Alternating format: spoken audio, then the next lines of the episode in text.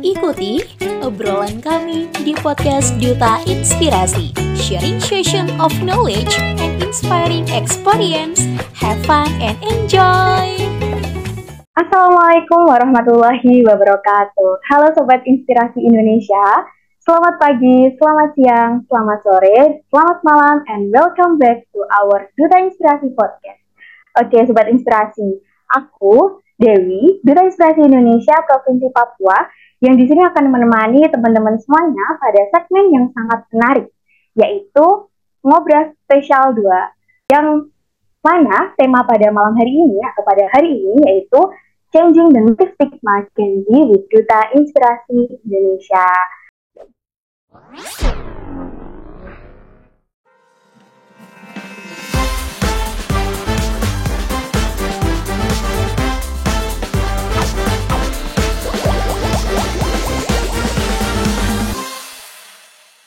Oke, sobat inspirasi, tanpa berlama-lama lagi karena di sini aku sudah kedatangan narasumber yang sangat luar biasa dari perwakilan masing-masing program di Duta Inspirasi Indonesia.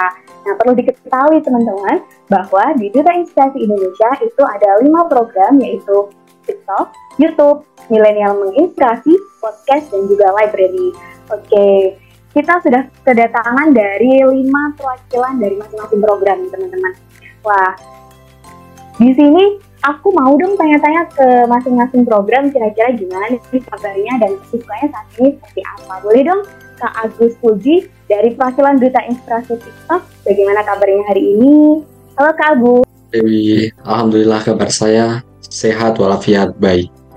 Alhamdulillah. Untuk saat ini gimana nih kesibukannya Kak Agus? Kesibukannya saya sekarang sih kesibukan sebagai mahasiswa ya Kak, apalagi di semester 5 ini jujur sangat sibuk banget itu di kampus banyak tugas dan banyak project sama dosen kak jadi seperti itu Wah, sibuk ya ternyata, tapi alhamdulillah masih bisa menyempatkan waktunya untuk hadir pada kesempatan kali ini.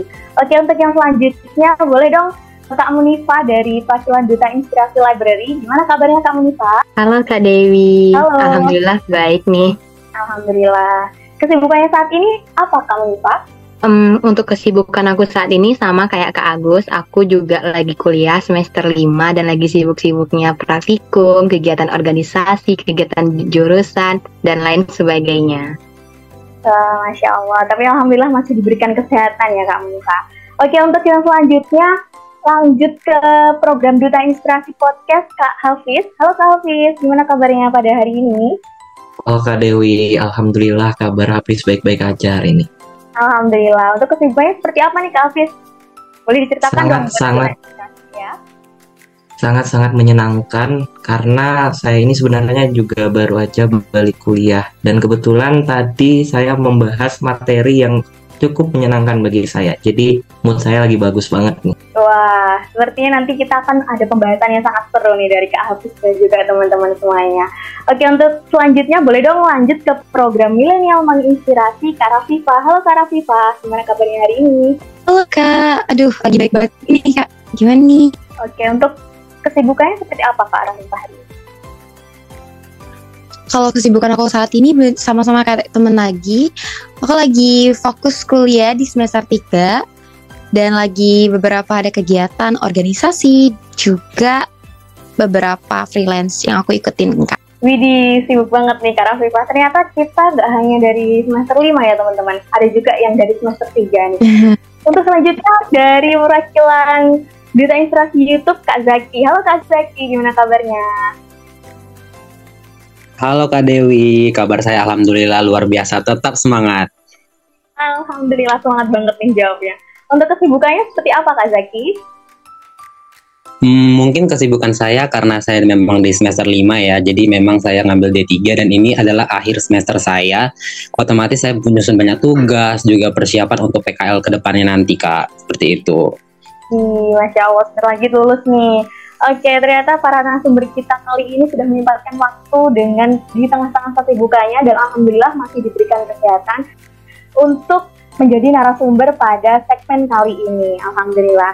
Oke, tanpa berlama-lama lagi, kita akan langsung saja mulai ke pembahasan kita, obrolan kita pada hari ini, yaitu mengenai tema kita pada segmen Ngobras episode 2 yaitu Changing the Negative Stigma Gen Z with Duta Inspirasi Indonesia. Oke teman-teman, seperti yang telah kita ketahui bahwa Gen Z itu merupakan generasi kita pada saat ini, di mana kita mendapatkan stigma yang kurang baik dari masyarakat. Misalnya, Gen Z itu dianggap apatis, dianggap kurang interaksi, apalagi di tengah perkembangan teknologi yang sangat pesat pada kali ini, Gen Z sering kali beraktivitas di dalam rumah, jarang mereka interaksi sosial di luar rumah, lebih ke HP dan juga media sosialnya. Selain itu juga Gen Z dianggap sebagai generasi yang memiliki mental yang lemah. Mereka dianggap sebagai pemalas dan juga sedikit healing, sedikit healing. Selain itu juga Gen Z pada saat ini di, di, uh, ditabrakkan atau ada isu-isu mengenai, mohon maaf, ada suicide atau bunuh diri. Jadi ada berbagai stigma-stigma negatif menurut masyarakat luas mengenai generasi kita yaitu generasi Gen Z. Menurut kakak-kakak semuanya nih, gimana sih Gen Z itu di mata teman-teman semuanya dan teman-teman sumber podcast pada segmen kita kali ini? Boleh dong dijawab sama Kak Diva dari Duta Inspirasi Library.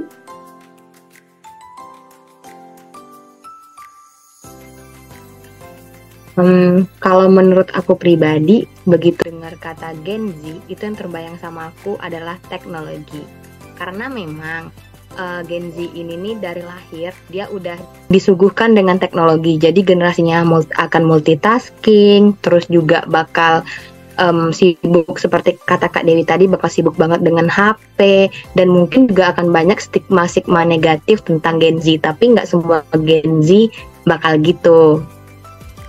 Dan kalau menurut aku Gen Z juga nggak seburuk itu juga kok. Uh, banyak uh, dari kita yang juga pengen nyoba-nyoba hal baru dan lain sebagainya. Wah, bener banget nih Kak Munifa. Ternyata menurut Kak Munifa, Gen Z itu tidak hanya dipandang stigma negatif, tapi ada juga berbagai hal positif. Betul Kak Munifa ya? Iya Kak Dewi, betul sekali. Oke, okay aku mau lanjut denger dong pendapat dari Kak Zaki dari perwakilan Duta Inspirasi YouTube. Boleh dong Kak Zaki, gimana sih pendapat Kak Zaki tentang generasi Z? Hmm, kalau dipikir aku sih yang pertama tentang Gen Z itu memang Gen Z itu memang berkaitan dengan teknologi, media sosial, dan memang dengan kemajuan zaman yang serba instan ya kayak. Ya. Memang tidak salah sih orang-orang zaman dulu itu menganggap Gen Z itu memang lemah atau pengen serba instan perlu kita ketahui juga memang pandangan saya itu terhadap Gen Z merupakan generasi yang aktif dan open minded terhadap satu hal. Jadi memang di zaman sekarang itu kita memang membuka demokrasi dan juga membuka pikiran-pikiran baru kita terhadap sesama sesama Gen Z ataupun kepada generasi-generasi sebelumnya. Seperti itu kak. Wah, kalau menurut pendapat Kak Zaki, ternyata Gen Z itu lebih open minded, bukan sebagai seorang yang apatis. Gitu. Gitu ya Kak Zaki ya? Betul ya? Ya benar sekali Kak Oke, terima kasih Kak Zaki. Untuk selanjutnya aku mau dengar pendapatnya dari Kak Rafifah, wakilan dari Milenial Menginspirasi. Boleh dong Kak Rafifah di Papa pendapatnya. Oke, okay, kalau menurut aku nih Kak, sebagai seorang Gen Z juga, aku melihat Gen Z itu punya kelompok yang berpotensi, inovatif, dan kreatif di mana mereka memang sudah disuguhkan ditumbuh di era teknologi digital yang memungkinkan akses ke semua informasi yang luar biasa. Hal ini juga membuat kita atau ataupun Gen Z bisa berproses dalam teknologi dan inovasi yang lebih terbaru dan inovatif. Ya, meskipun ada stigma negatif yang muncul di era masyarakat dalam mengatasi permasalahan yang melekat pada Gen Z itu. Tapi tentunya di balik itu semua ada permasalahan negatif dan positif dalam era Gen Z itu sendiri sih kak. Itu menurut aku. Betul banget nih Kak Rafifah, aku juga setuju dengan pendapat Kak Rafifah yang mengatakan bahwa Gen Z itu tidak hanya ada hal-hal negatifnya, tapi ada juga hal positif seperti kreatif, inovatif, dan sebagainya. Nah selanjutnya aku ingin dengar dong dari pendapat Kak Hafiz, perwakilan Duta Inspirasi Podcast. Oke, kalau ditanya gimana pandangan saya terhadap Gen Z, sebenarnya sama kayak teman-teman PMPL lainnya. Mereka itu adalah generasi yang kreatif dan inovatif dan yang paling penting itu adalah saya menganggap bahwasanya mereka ini adalah orang-orang yang cepat beradaptasi di berbagai banyak hal. Contohnya adalah di zaman sekarang, zaman media sosial. Mereka tuh bisa berkomunikasi setiap harinya dengan menggunakan perangkat tersebut. Dengan kata lain, generasi ini lebih terbuka terhadap berbagai macam hal. Mereka itu peduli banget terhadap isu-isu sosial, isu-isu lingkungan, isu-isu multikulturalisme, dan mereka tuh juga peduli terhadap kemajuan-kemajuan yang terjadi sekarang ini. Dengan kata lain, generasi ini cenderung lebih cerdas, mandiri, dan punya ambisi tinggi. Gitu dari saya, Kak. Wah, menarik sekali nih pendapatnya Kak Hafiz. So, Kak Hafiz tuh mengatakan bahwa generasi Z pada saat ini tuh tidak bisa dikatakan sebagai generasi yang apatis. Betul begitu Kak Hafiz ya? Betul banget. Oke, untuk pendapat yang terakhir nih dari Kak Agus, perwakilan Duta Inspirasi TikTok. Dipersilahkan Kak Agus. Oh, terima kasih atas kesempatannya. Ini menurut saya ya, generasi Z atau Gen Z kita menyebutnya Menurut pandangan saya, Gen Z itu seperti halnya pedang bermata dua, di mana Gen Z merupakan penerus sekaligus penerima estafet pembangunan bangsa, terutama bangsa Indonesia ya. Apalagi kita dihadapkan dengan isu-isu di 2045 yang katanya Indonesia akan menjadi Indonesia emas. Jadi untuk pandangan saya terkait Gen Z adalah sebagai pedang bermata dua itu memiliki sikap-sikap semisal sikap mandiri pada Gen Z itu bisa menjadi sisi positif. Dengan kata lain, kemandirian mereka itu dituntut tanpa harus disuruh. Namun bisa jadi kemandirian itu bersifat negatif apabila tidak dibekali dengan akhlak ataupun sikap-sikap terpuji. Semisal bermandiri tapi mereka itu cenderung menyembunyikan diri, apatis, dan tidak peka terhadap lingkungan itu akan menjadi sisi negatif dari sikap mandirinya Gen Z. Jadi tanggapan saya seperti itu kak. Gen Z adalah pedang bermata dua, penyongsong peradaban sekaligus menerima estafet pembangunan. Wih, keren banget nih. Menurut Kak Agus, Gen Z itu ternyata pedang bermata dua ya, di mana dia harus memiliki kemandirian dan sebagainya. Lalu nih, setelah mendapatkan penjelasan dari teman-teman mengenai Gen Z, kita pasti udah tahu kalau tadi ada yang menyebutkan bahwa Gen Z itu orang yang melek teknologi, open-minded, cepat beradaptasi, dan juga sering kali dianggap sebagai orang yang mandiri dan juga tidak apatis tadi. Lalu, seperti yang telah kita ketahui bahwa di masa saat ini, Gen Z itu sering, sering mengalami yang namanya insecure. Betul nggak sih teman-teman? Nah di insecure kali ini, pastinya banyak sekali orang yang mengalami ketidakpedean diri. Mereka akan membandingkan diri sendiri dengan orang lainnya melalui media sosial. Jadi ada kelemahan nih antara adanya teknologi dan juga teknologi yang semakin cepat berkembang dan juga insecurity yang ditimbulkan dari teknologi tersebut. Pasti tidak menutup kemungkinan dong banyak insecurity yang terjadi. Nah, untuk melawan insecurity itu pastinya teman-teman di sini udah tahu nih caranya. Dibuktikan bahwa teman-teman di sini sudah bergabung di Duta Inspirasi Indonesia. Nah, di sini juga aku ingin tahu nih, gimana sih teman-teman bisa melawan rasa yang malas atau rasa insecure itu sehingga teman-teman bisa masuk atau bergabung menjadi bagian dari Duta Inspirasi Indonesia. Boleh dong pendapat dari Kak Zaki? Baik, jadi men, uh, awalnya itu saya untuk masuk ke Inspirasi Indonesia itu memang sangat insecure ya kayak ya. waktu sebelum itu karena memang saya itu dulunya bos orang apa pun yang bisa diandalkan seperti itu kak. Namun setelah saya menemukan Duta Inspirasi Indonesia, saya merasa bakat saya dihargai dan juga uh, hal-hal uh, yang saya lakukan sekecil apa pun itu dihargai di sini kak. Makanya saya merasa selama Duta Inspirasi itu eh, bakat-bakat saya tuh mulai terasa satu persatu. Nah, awalnya itu saya melawan rasa insecure itu saya berkata kepada diri saya sendiri, Zaki kamu harus bisa, jangan pedulin kata orang, apa pun itu hidupmu kamulah yang tahu. Seperti itu kak. Terima kasih.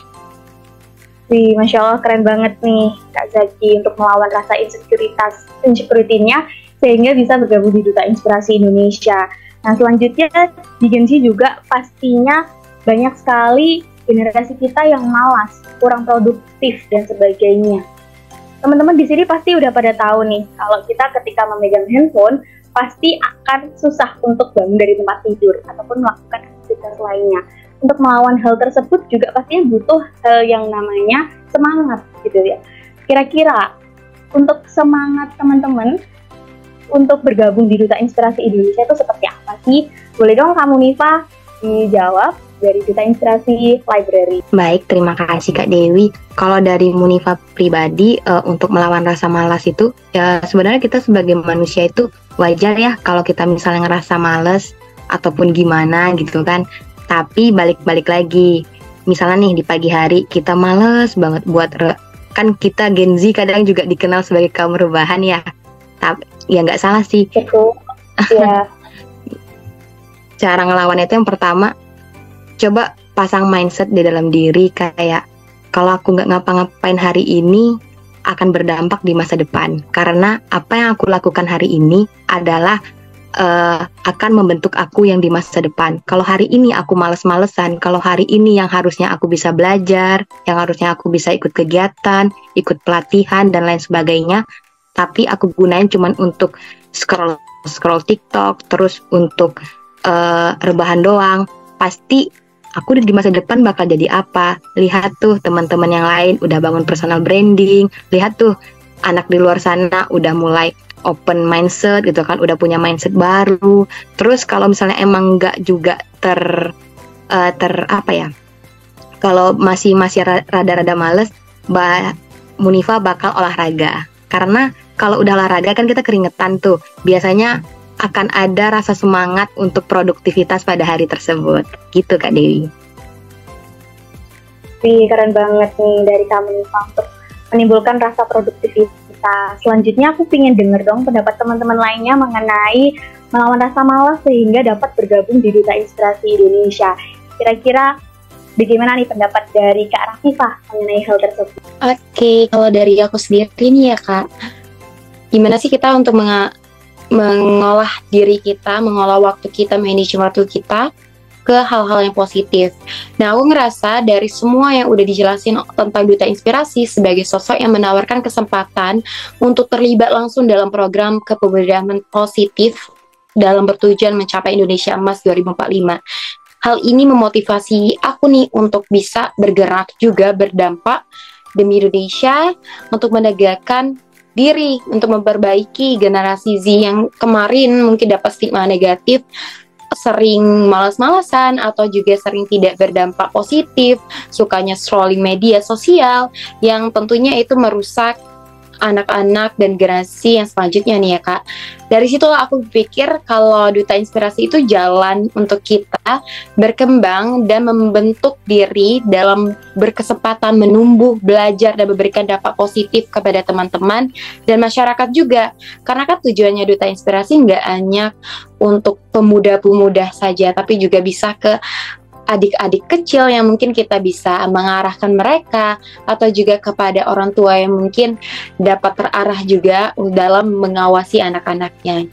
Hal ini bermakna banget buat diri aku dalam mencapai pemuda yang inovatif, juga penuh semangat dalam mengembangkan jiwa kepemudaan dari para pemuda. Ketimbang males-malesan, mending memberikan dampak positif nggak sih kak? Gitu sih.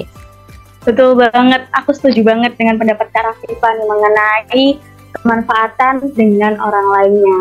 Jadi menurut Kak Rafifah ini kita harus bermanfaat dan juga melawan rasa malas untuk tentunya menunjang nantinya kita akan menghadapi Indonesia Emas di tahun 2045. Nah ngomong-ngomong mengenai kata malas nih teman-teman. Di pada zaman Gen Z kita kali ini pasti banyak sekali kan teman-teman kita di luar sana yang masih malas-malasan, sibuk sibuk untuk scroll TikTok, healing sana sini dan tidak meningkatkan produktivitas diri. Nah, di sini aku pengen denger dong pendapat dari Kak Agus mengenai gimana sih bisa kepikiran untuk melawan rasa malas, bisa kepikiran untuk keluar dari zona nyaman sehingga mendaftarkan diri di Duta Inspirasi ini. Terima kasih atas kesempatannya saya izin menjawab. Untuk menghilangkan atau melawan rasa malas, saya punya quotes nih. Kita tidak bisa memperoleh pengalaman yang sama di kesempatan yang kedua. Jadi quotes itu yang selalu saya pakai untuk melawan rasa malas. Artinya jika ada kesempatan maka jalanilah apa pun hasilnya itu dipikir di akhir. Untuk saya melawan rasa malas harus berani mencoba. Hal itu saya lakukan ketika misalnya saya lomba ataupun saya jadi pembicara ataupun saya ikut duta inspirasi ini itu saya juga melawan malas yang sangat luar biasa dengan quotes itu. Dulu awalnya pengen ikut tapi kok rasanya ada rasa-rasa malas tapi saya beranikan untuk ikut. Dan akhirnya alhamdulillah dengan keberanian saya akhirnya bisa bergabung di duta inspirasi Indonesia ini dan bertemu orang-orang hebat seperti dari Duta Inspirasi Podcast, Duta Inspirasi TikTok, Duta Inspirasi Library, Milenial Menginspirasi, dan lain sebagainya, Kak.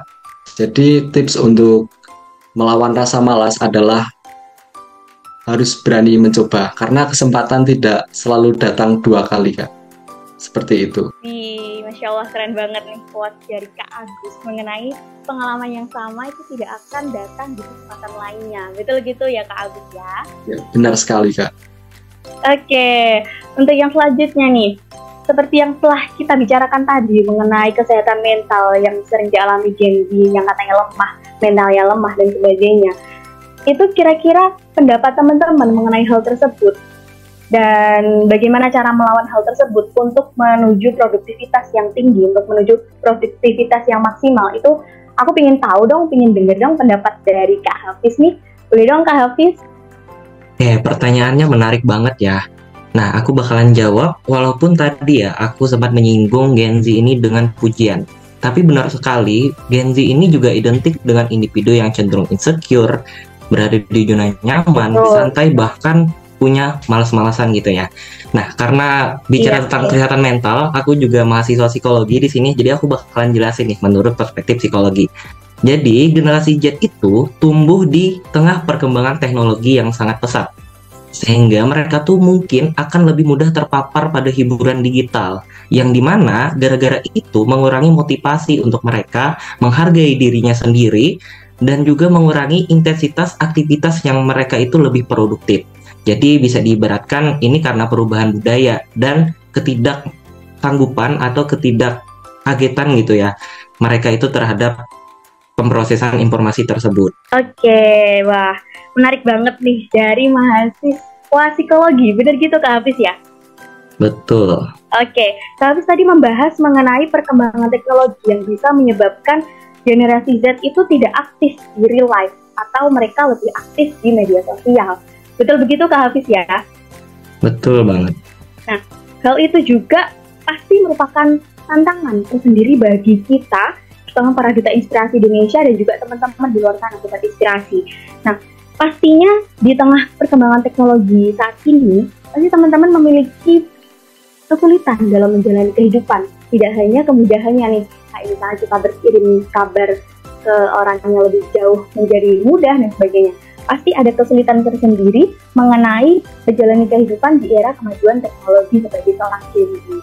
Aku ingin dengar pendapat dari Kak Rafifah mengenai hal tersebut. Wah, Dewi. Bagus sih pertanyaannya. Seberapa sulit sih menghadapi era teknologi saat ini ya, Kak? Kalau bagi Vito, tantangannya paling uniknya dan paling terbatas itu saat Viva mengakses informasi dalam penggunaan teknologi kayak media sosial.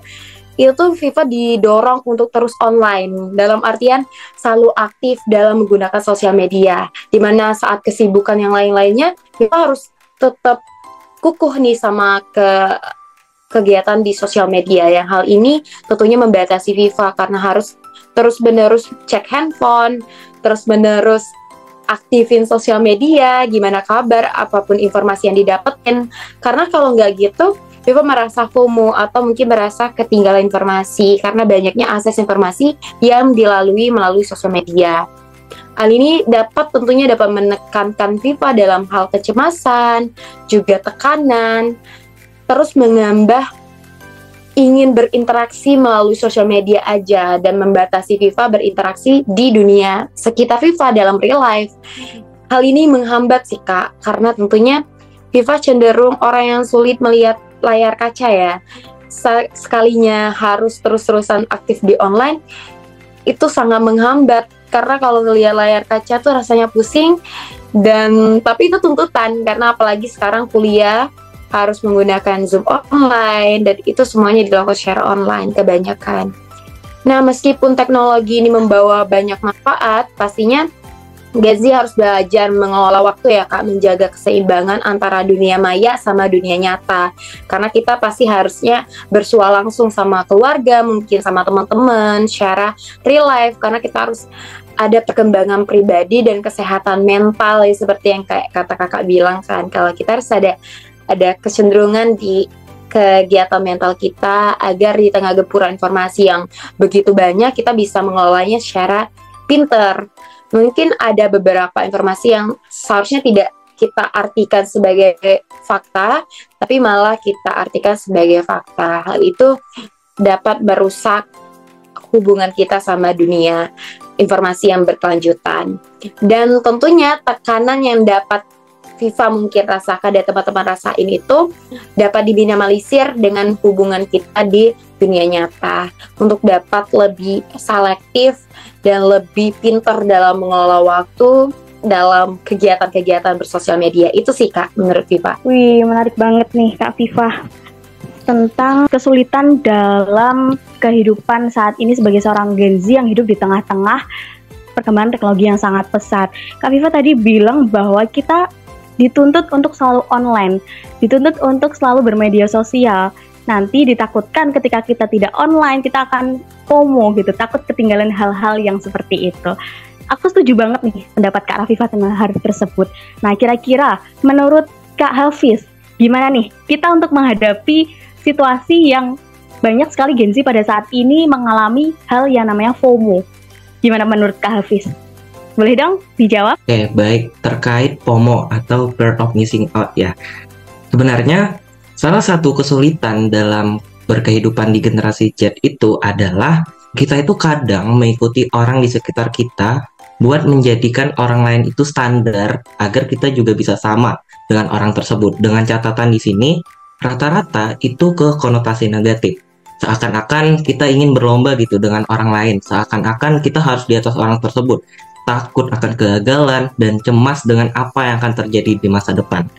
Nah, tentunya hal ini berkaitan dengan kesehatan mental, di mana sebenarnya hal yang wajar kok untuk generasi Z itu yang rata-rata ya, kalau generasi Z itu memang sekarang masih remaja, di mana aku bakalan bahas lagi secara psikologi di mana ada salah satu teori dari psikologi perkembangan namanya itu teori psikososial karya Erik Erikson. Dia itu menyatakan bahwasanya masa remaja atau Gen Z itu masuk ke dalam fase yang disebut identify versus compassion. Di mana kalau dibahas mungkin bakalan panjang ya, tapi intinya adalah masa remaja itu adalah masa menuju dewasa awal. Di mana menurut Erikson itu adalah fase di mana kita mencari jati diri kita itu mau ke mana, siapa standar kita, dan gimana caranya kita bisa menggapai apa yang kita inginkan, itu adalah masa remaja. Makanya kadang berkaitan tuh sama FOMO, karena mungkin saja generasi Z itu mencari jati diri di sana. Nah, di sisi lain ada masa yang disebut sebagai compassion, sebagai lawan dari identify ini, di mana remaja itu atau Gen Z itu merasa kebingungan akan di sekitarnya itu gimana? Bingung akan dirinya siapa? Kira-kira gimana ya cara aku menggapai impian ini? Dan kira-kira kalau orang lain itu sukses daripada aku apakah aku kalah? Ya begitulah pemikiran Gen Z atau remaja-remaja saat ini. Nah bisa dibilang dari teori ini sebenarnya udah ketebak bakalan gimana gitu generasi Z generasi remaja zaman sekarang. Tapi teman-teman semuanya perlu diingat kalau semisalkan fase ini berhasil dilewati oleh Gen Z, maka keuntungannya adalah ketika dia di masa dewasa, dia akan mudah memahami dirinya sendiri dan tahu tujuan. Namun sebaliknya jika gagal, dia itu akan kebingungan akan dirinya. Dia nggak tahu gitu mau ke mana yang akhirnya dia nggak punya standar dalam hidup. Namun penting untuk diingat bahwasanya kalau semisalkan kita gagal sedari remaja itu bisa diperbaiki kok. Karena kesempatan pasti datang dua kali. Namun tentunya pasti ada suatu hal yang struggle gitu di diri kita. Itu sih secara saya memandang Gen Z. Karena sebenarnya untuk Gen Z itu FOMO itu nggak apa-apa. Asalkan FOMO dalam konotasi ini adalah dia juga punya motivasi dan tujuan ingin ikut kegiatan seperti apa. Wih, menarik banget nih pembahasan pada malam hari ini mengenai Gen Z. Jujur aku mendapatkan insight positif nih, insight baru, apalagi Kak latar belakang dari mahasiswa psikologi gitu. Jadi kita pastinya teman-teman sobat inspirasi dari seluruh Indonesia pasti akan mendapatkan ilmu baru mengenai mental illness dan sebagainya. Dan juga berdasarkan narasumber-narasumber yang lain yang sangat hebat pula, aku juga ingin mendengar pendapat teman-teman semuanya mengenai FOMO yang tadi dikatakan Kak Hafiz bahwa FOMO itu merupakan hal yang tidak bisa dikatakan sebagai konotasi negatif. Tapi juga FOMO itu tidak apa-apa, FOMO itu wajar, FOMO itu bisa dikaitkan dengan hal-hal yang positif karena nantinya akan membentuk pribadi dari seorang remaja yaitu Gen Z. Nah, aku pengen dengar dari pendapat Kak Zaki nih dari Duta Inspirasi YouTube mengenai FOMO itu sendiri. Gimana nih Kak Zaki pendapatnya? Baik Kak, jadi menurut saya tuh memang kita sering ya dengar kata-kata FOMO gitu ya, kayak nggak udah nggak asing lagi di zaman sekarang ya. Bahkan saya sendiri itu juga sering kadang-kadang tuh sering ngerasa FOMO ya. Melihat kayak misalnya teman-teman saya udah, ih hari ini dia upload ini loh di sosial media. Ih hari ini tugasnya lebih bagus daripada saya. Namun menurut saya FOMO itu adalah perasaan yang takut dialami oleh seseorang akan tertinggalan. Memang benar kak. Kadang itu ya kita sebagai Gen Z itu ngerasa kita selalu tertinggal daripada orang lain.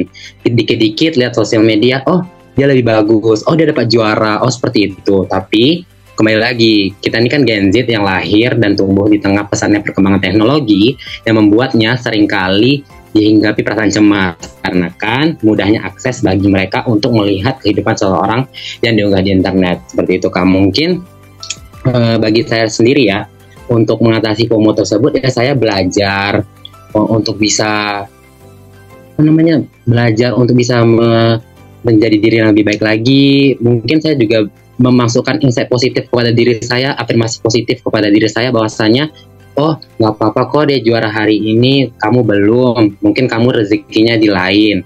Atau mungkin sama-sama nih ikut kegiatan tapi dia berhasil aku tidak. Ya sudah nggak apa-apa.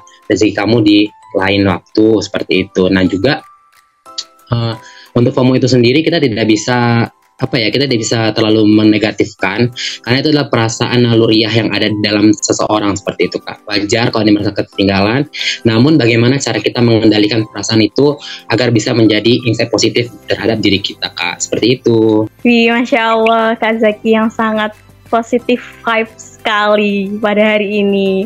Oke, mengenai FOMO tadi Kak Zaki bilang bahwa kita pasti seorang Gen Z itu mengalami FOMO. Kita takut ketinggalan sama, betul Kak Zaki. Aku juga mengalami hal seperti itu. Apalagi kalau kita udah scroll media sosial yang Instagram. Wah, temanku kok udah sampai sini ya, aku kok baru sampai sini. Begitu.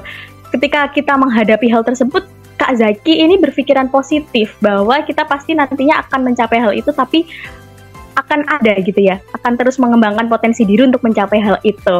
Betul begitu Kak Zaki ya? Ya betul sekali Kak, seperti lagunya Indikaf Kak, akan ada untuk masa depan.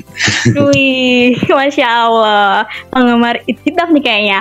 Oke, aku mau dengar pendapat selanjutnya nih dari Kak Agus. Boleh dong Kak Agus dalam menghadapi FOMO atau dalam menanggapi FOMO di tengah masyarakat kita, di tengah Gen Z itu bagaimana sikapnya Kak Agus? Terima kasih atas kesempatannya untuk pandangan dan sikap saya menghadapi FOMO.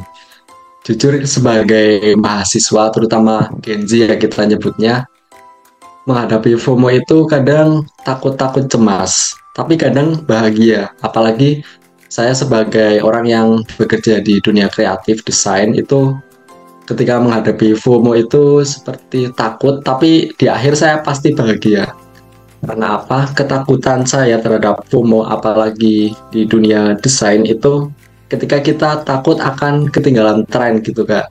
Jadi pasarnya kita itu akan terus berjalan, tapi kita tidak bisa mengikuti pasar itu. Itu yang menjadi ketakutan saya, terutama di bidang desain itu ketika produk kita tidak laku Kemudian setelah FOMO itu saya alami dan ternyata ada sisi positifnya bahwa kita harus belajar dari kesalahan itu. Ibaratnya FOMO adalah batu loncatan kita untuk membuka dan memukul kita itu untuk sadar gitu. Ketika kita sudah sadar, kita sudah tahu realitas yang ada bahwa kita itu masih tertinggal, kita itu masih kurang dari yang lain. Kita secara terpaksa akan belajar dan berusaha mengejar. Hal itulah yang akan menjadikan kita itu bahagia di akhir dengan hasil yang kita itu bisa setara loh dengan orang-orang yang lain meskipun misal orang lain itu sukses dalam bidang ekonomi, kita sukses dalam bidang kreatif. Orang lain sukses dalam bidang seni, kita sukses dalam bidang hukum. Jadi seperti itu, Kak. FOMO boleh, tapi jangan jadikan FOMO itu untuk mengunci kita dan memenjarakan pikiran kita, Kak.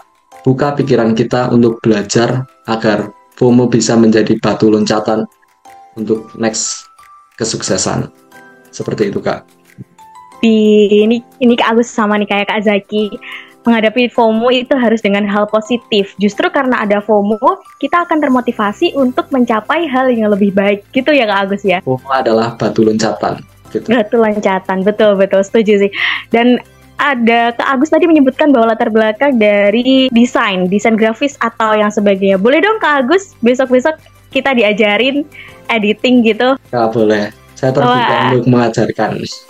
Asik. Oke, okay, nanti oke okay, nanti kita mungkin bakalan sepil ya tentang Instagram dan juga data diri teman-teman di akhir narasumber nanti biar sobat inspirasi bisa lebih jauh nih ngepoin teman-teman narasumber kita semua. Oke, terkait FOMO tadi nih. Aku juga pengen denger dong pendapat dari Kak Munifa ketika menghadapi FOMO di media sosial dan juga pada kehidupan saat ini apalagi di tengah perkembangan teknologi yang sangat pesat sebagai seorang Gen Z. Boleh dong Kak Munifa Halo Kak Nifa. Halo Kak Dewi. Waduh, sebenarnya semuanya dari jawaban teman-teman yang lain tuh udah cukup menjawab sebenarnya. Tapi dari Munifa cuman nambahin sedikit aja.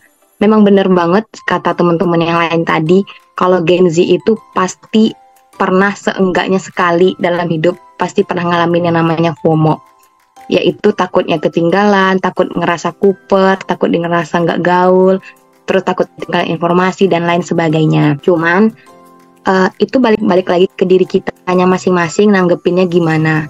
Coba perasaan FOMO atau perasaan uh, ketertinggalan kita atau perasaan insecure kita tuh kita alihkan ke yang positif. Misalnya nih, begitu kita lihat scroll-scroll media sosial, kan FOMO ini adalah media sosial. Begitu kita lihat di, apa media sosial, uh, lihat wah si A juara LKTI, si B udah jadi duta ini, si C udah bikin ini, si D udah ikut PIMNAS, ini udah jadi mahasiswa berprestasi, ini dapat beasiswa ke luar negeri dan lain sebagainya yang bikin kita insecure. Coba perasaan-perasaan insecure itu kita alihkan ke yang positifnya. Contohnya gini, oh si A bisa dapat juara di bidang ini ya, wah kalau si A bisa, aku juga bisa nih. Karena sejatinya kita manusia ini punya kesempatan yang sama loh Kak Dewi untuk meraih sesuatu. Bedanya adalah usahanya. Kita Betul. berusaha nggak? Terus uh, jadi karena adanya dorongan seperti itu, pasti nanti akan timbul, ih aku harus bisa juga nih. Karena aku selalu nanemin dalam diri aku, aku akan jadi apa yang seperti apa, kita akan menjadi apa yang seperti kita pikirkan. Apa yang kita pikirkan itu akan menjadi kita.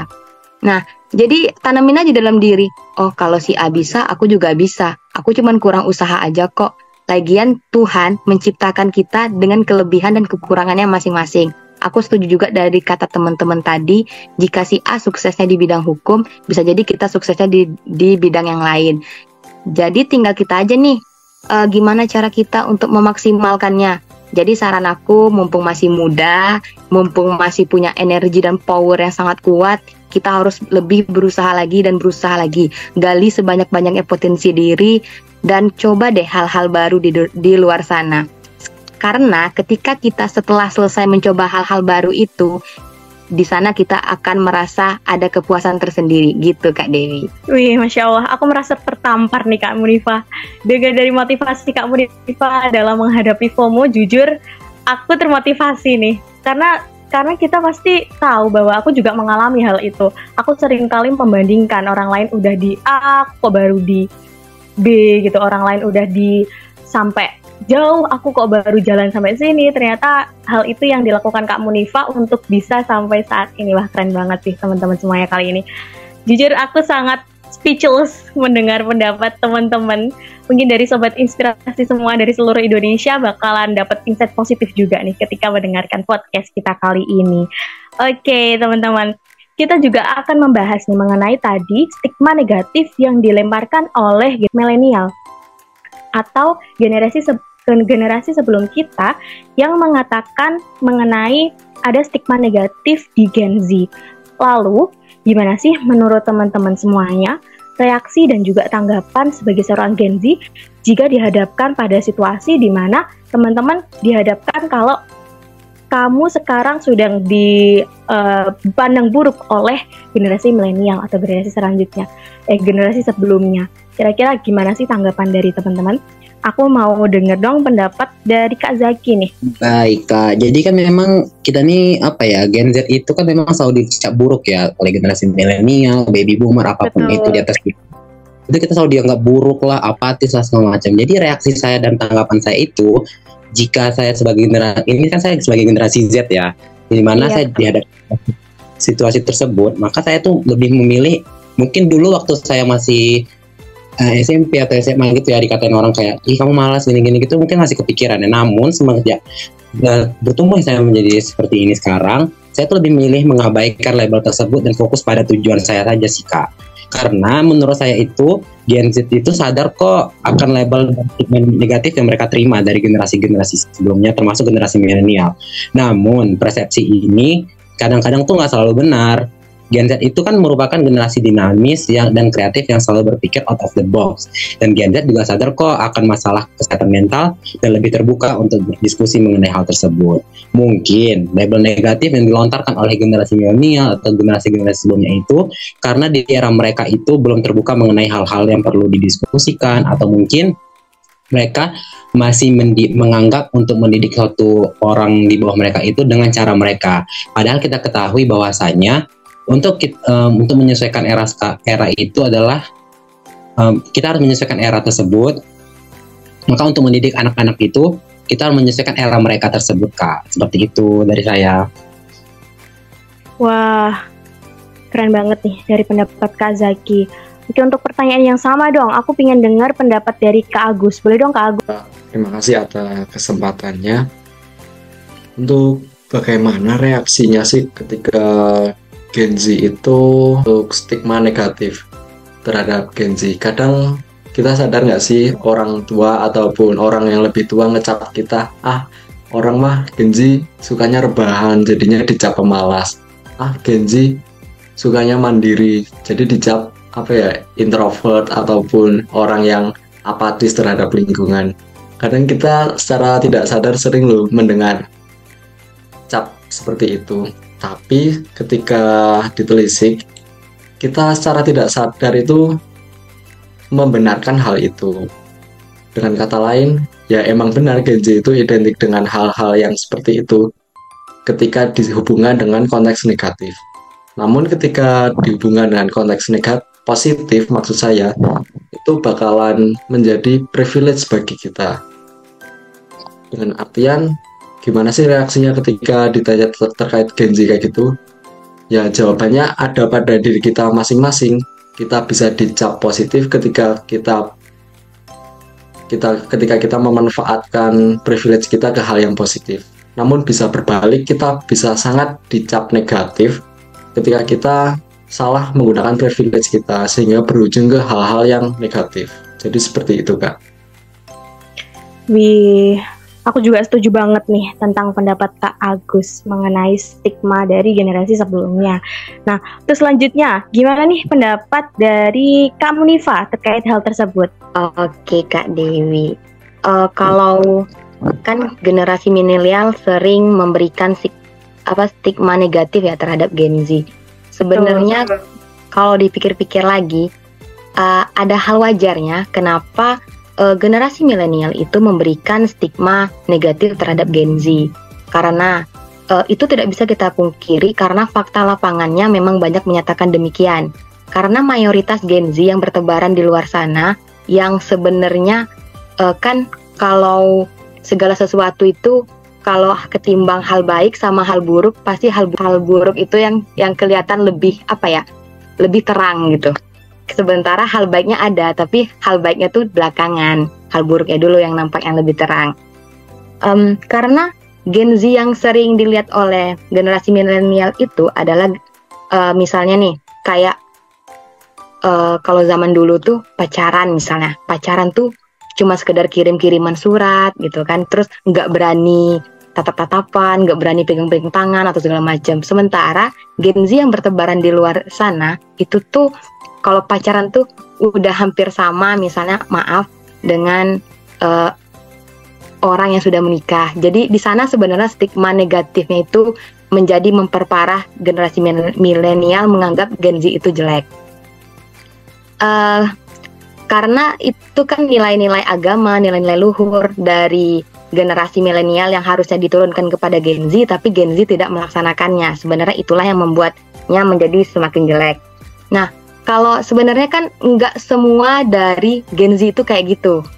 Jadi kalau pandangan aku, kalau tanggapan aku, ya terpaksa diam. Karena memang kan kebanyakan kan kayak gitu. Jadi di sini tantangan buat kita semua untuk memperbaiki stigma itu, untuk memberikan label yang baik dengan cara mencoba hal-hal baru, terus balik lagi kayak uh, coba buktikan kepada generasi milenial kalau kita tuh nggak gitu kok, kalau kita tuh uh, bisa kok lebih baik kalau kita itu dengan teknologi bukan hanya uh, dapat mengadopsi budaya-budaya yang tidak sesuai, tapi kita juga mengadopsi kebiasaan-kebiasaan baik kok. Kita juga belajar cara bagaimana berinteraksi dengan orang lain, kita juga belajar bagaimana budaya orang lain, terus kita juga belajar bagaimana oh ternyata negara sana perkembangannya udah sampai sini. Oh, negara sana ternyata anak-anaknya belajarnya kayak gini loh, makanya bisa pinter. Nah, kita juga bisa mengadopsi hal-hal positif dari luar sana. Jadi, yang perlu kita lakukan adalah membuktikan diri. Gitu Kak Dewi. Wih, keren banget nih pendapat kamu nih Fat tentang kita harus membuktikan di membuktikan bahwa kita tidak seburuk itu. Tidak hanya hal-hal negatif tapi kita juga punya hal yang positif ada di dalam diri Gensi gitu ya. Kak, oke ngomong-ngomong mengenai hal positif nih teman-teman. Aku ingin dengar dong sebagai seorang duta inspirasi yang sudah bergabung di batch 10 ini, kira-kira selama bergabung di Duta Inspirasi Indonesia, apa sih pengalaman yang paling berkesan, pengalaman yang pengalaman yang bisa menimbulkan hal menarik yang udah teman-teman lakuin selama di Duta Inspirasi Indonesia. Aku pengen dengar pendapat dari Kak Hafiz nih. Terima kasih atas pertanyaannya. Tentunya masuk Duta Inspirasi Indonesia ini adalah sebuah keberuntungan bagi saya. Kenapa? Karena saya itu mengadopsi sebuah pemikiran meaningful youth participation atau partisipasi anak muda yang bermakna. Saya ingin menjadi seorang anak muda yang bermakna, maka dari itu saya harus mengikuti berbagai organisasi yang menurut saya itu bisa memberikan banyak dampak benefit yang positif bagi saya. Nah, salah satunya adalah Duta Inspirasi Indonesia. Di Duta Inspirasi Indonesia ini saya punya banyak relasi. Saya mendapatkan relasi dari berbagai wilayah. Karena sekarang ada 38 provinsi, artinya ada dua pasang duta yang jumlahnya berarti 76. Di situ saya mendapatkan banyak sekali perspektif tentang di, di daerah ini seperti apa, tentang mereka itu seperti apa. Itu saya banyak dapat banget benefit seperti itu. Nah, yang kedua adalah di Duta Inspirasi ini ada lima program kerja yang disingkat TMPL, TikTok, YouTube, Milenial Menginspirasi, Podcast, dan Library. Semuanya itu bisa kita dapatkan, tapi kita nanti akan fokus kepada suatu hal. Salah satunya contohnya adalah saya sendiri yang yang mohon maaf, yang saya sendiri fokusnya ke Duta Inspirasi Podcast, di mana di situ saya mendapatkan sebuah ilmu bagaimana caranya memberikan public speaking yang baik gitu. Bagaimana caranya saya menyampaikan sebuah informasi di depan umum dengan kajian podcast seperti itu. Dan yang ketiga adalah benefit yang paling saya suka nih sebenarnya adalah mendapatkan coaching. Di mana coaching ini biasanya dilakukan di hari Jumat dan Minggu malam. Di situ saya mendapatkan banyak sekali perspektif tentang berbagai macam hal. Contohnya kemarin kita membahas tentang kesehatan mental. Lalu kemarinnya lagi kita membahas bagaimana caranya art of persuasion atau art of public speaking. Banyak sekali kajian-kajian yang menarik di Duta Inspirasi ini. Sehingga kalau saya bilang rugi nggak masuk Duta Inspirasi? Enggak, pengen banget dan saya bangga bisa menjadi bagian dari Duta Inspirasi Indonesia. Wih, Masya Allah, itu tadi pengalaman positif, pengalaman menarik dari Kak Hafiz nih. Oke, untuk narasumber kita yang terakhir, kepada Kak Fifah. Kak Rafifah dari Milenial menginspirasi. Kira-kira insight positif seperti apa nih yang Kak Rafifah dapatkan ketika bergabung menjadi Duta Inspirasi Indonesia? Oke, okay, Kak Dewi, thank you so much for giving me this last questions. Sebenarnya ini pertanyaan yang benar-benar Viva tunggu sih Kak. Karena pengen mengasih tahu nih sama sobat inspirasi bahwa masuk duta inspirasi itu nggak sama sekali merugikan no wasting time at all karena benar-benar ngasih insight positif sepositif itu buat hari-hari FIFA. Terutama benar kata Kak Hafiz tadi ada lima program yang sangat unggul di berbagai bidang platform dan FIFA sendiri menghandle di Milan Inspirasi yang di mana menginspirasi setiap hari. Kita setiap hari bisa membuat konten-konten positif untuk inspire others, give more positive impact to others dan ini bisa ngasih banyak values buat kita dan buat orang-orang followers yang ada di milenial maupun di Duta Inspirasi sendiri. Nah dari pertama kali Viva masuk Duta Inspirasi aja udah ngerasa bahagia nih kak. Di mana kan saat itu dibuat sebuah konten untuk nge-branding about Duta Inspirasi. Dan itu di situ Viva kenal ya namanya Inspirator Woman. Di mana kita ngasih positif impact buat semua women di Indonesia di mana ternyata perempuan juga bisa maju, perempuan juga bisa menjadi menembuhkan jati diri mereka di kalangan para impact-impact negatif yang sering ditimbulkan oleh generasi Z. Tapi ternyata banyak impact positif juga yang bisa ditimbulkan oleh generasi Z sendiri. Kalau kita ternyata well enough kita bisa membuatkan hal-hal positif dari Duta Inspirasi maupun kegiatan lainnya.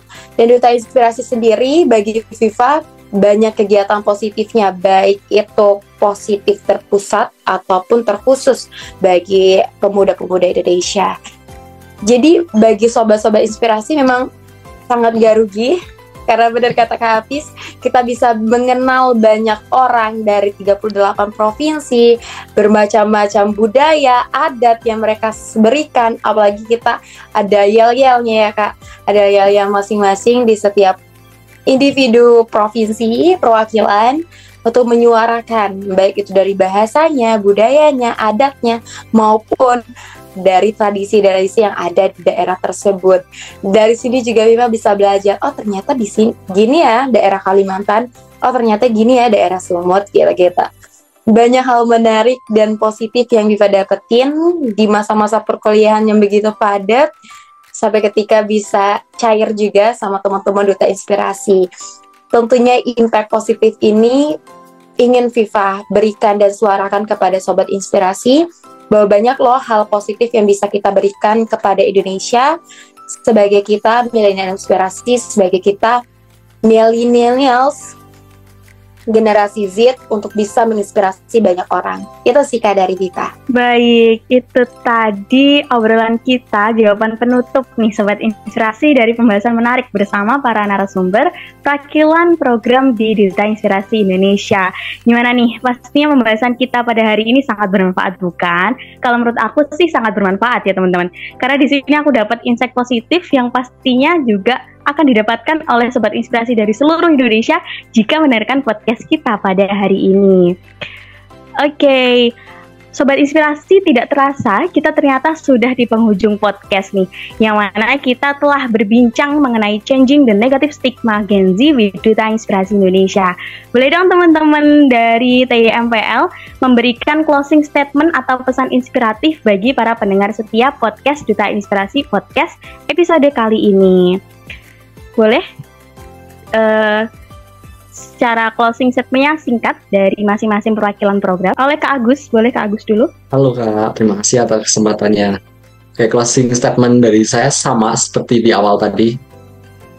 Kita tidak bisa memperoleh pengalaman yang sama di waktu yang berbeda.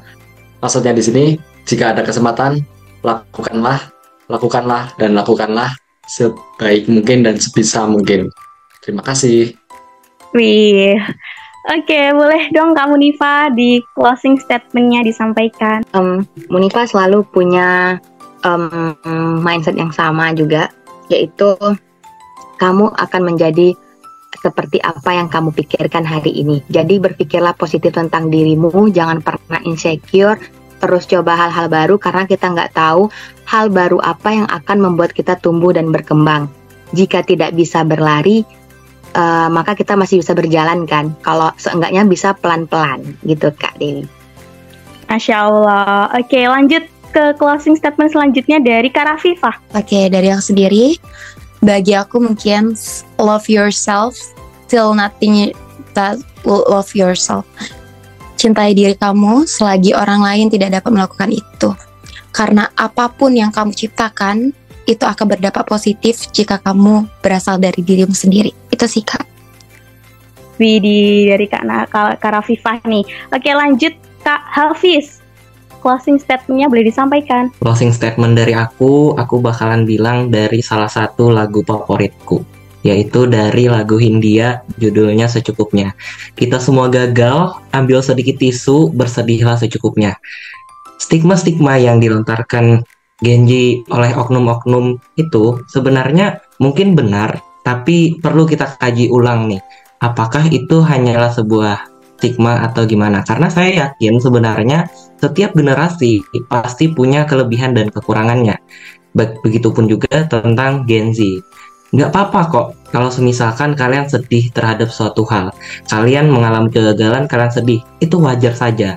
Tapi ingat, ada kata secukupnya di sini Ketika kalian bersedih, maka besok jadikanlah sedihan kamu atau kegagalan kamu menjadi semangat.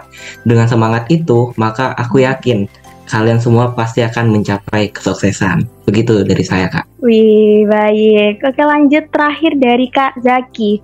Closing statementnya boleh nih disampaikan. Oke, dari aku closing statementnya adalah tetaplah berjuang, tetaplah melangkah ke depan, jangan tengok kanan kiri, kamu adalah kamu, dan satu quotes yang saya dapatkan adalah yang tidak pernah diperjuangkan maka tidak akan pernah dimenangkan. Terima kasih kak. Oke, terima kasih banyak teman-teman TMPL atas pesan inspiratifnya yang sangat luar biasa.